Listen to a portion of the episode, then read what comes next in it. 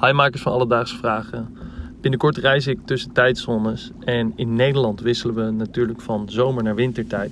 Daardoor vroeg ik me af, leven we in de juiste tijdzone? Alledaagse Vragen. NPO Radio 1. Dankjewel Anko uit Amsterdam voor je vraag. Ja, we hebben eventjes gewacht met het beantwoorden van deze vraag tot een goed moment. En dat is nu, want dit weekend gaat natuurlijk de wintertijd weer in.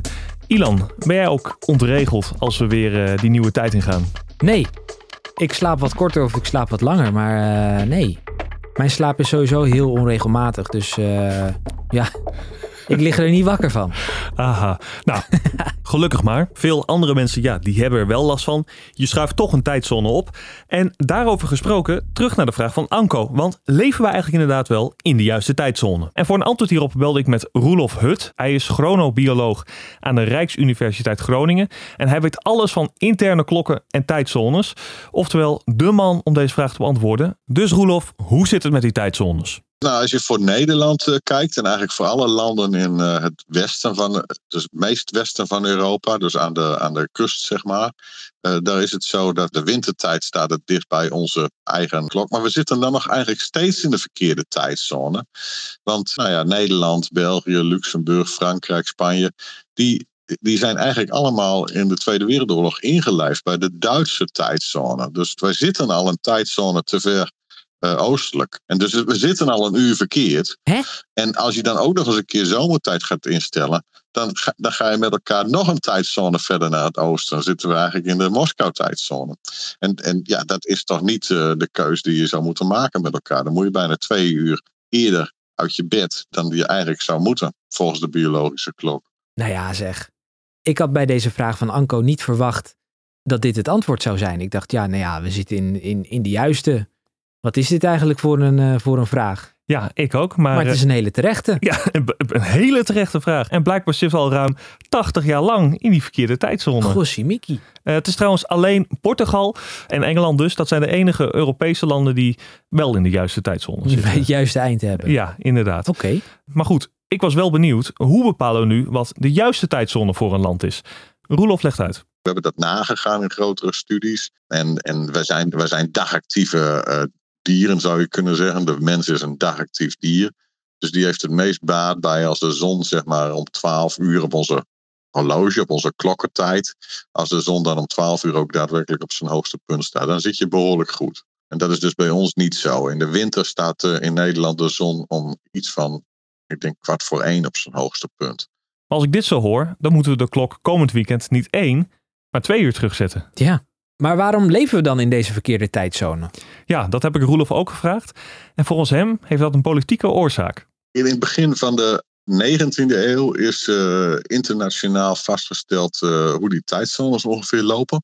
En je ziet eigenlijk dan al, als je een wereldkaart daarvan maakt, dan zie je eigenlijk al dat veel landen de neiging hadden om bij een tijdzone die iets te ver oostelijk ligt te horen. Dus dat betekent dat de politiek beslist van jongens, ik wil dat mijn uh, bevolking een uur eerder zijn bed uitkomt. Alsof je daarmee dus, je, wat ik al zei, de productiviteit verhoogt, et cetera. Maar door de politiek leven wij dus al een aantal decennia in de verkeerde tijdzone. Ja, klopt. Bizar toch? Dat is een heel gek idee. En vooral als je bij stilstaat dat die zomertijd eigenlijk ook veel ongezonder voor mensen is. Want die zomertijd die leidt over het algemeen tot veel meer slaaptekort bij mensen. En vooral jongeren die hebben daar last van. Uh, die hebben namelijk een langzame biologische klok. Dus dat betekent dat ze liever laat naar bed gaan en later wakker worden. Ken je misschien ook wel van je middelbare schooltijd. Yep. Maar ook andere mensen die missen flink wat uren slaap. En dat heeft behoorlijke nadelige gevolgen voor je gezondheid. Slaapgebrek kan namelijk leiden tot meer depressies, kanker en het aanleren van ongezonde gewoontes. Dus vanuit een gezondheidsperspectief is het veel beter om die zomertijd gewoon te laten voor wat het is en er niet aan te beginnen. Alledaagse vragen. Ilan, we hebben het nu over de politiek. Mm. En daarover gesproken, hier in Europa zitten we te discussiëren of we nu die zomer of die wintertijd moeten gaan afschaffen. Ja. Uh, maar een aantal landen die hebben die beslissing al genomen. Waaronder Rusland.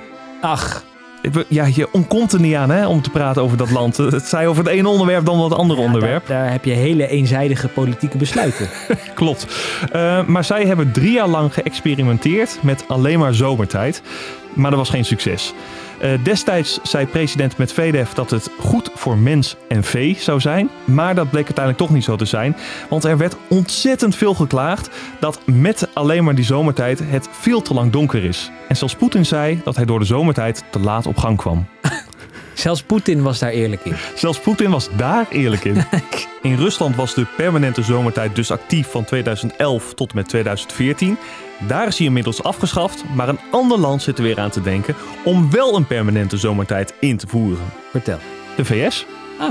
Of het doorgaat is nog niet zeker, maar als het aan de Senaat ligt, dan is er vanaf november 2023 een permanente zomertijd in de VS. Dus, Anko, om antwoord te geven op je vraag, leven we in de juiste tijdzone?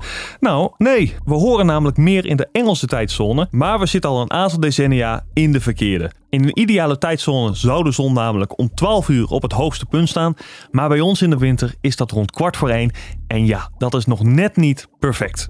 Heb je zelf ook nog een alledaagse vraag? Stuur ons dan een DM op Instagram of een mailtje naar alledaagsvragen.radio1.nl. En nu je toch luistert, vergeet dan niet te abonneren en die 5 sterren te geven. Ja, en je klok te verzetten. En als je een beetje wil experimenteren, doe het dan twee uurtjes, niet één. Alledaagse vragen. NPO Radio 1. BNN Vara.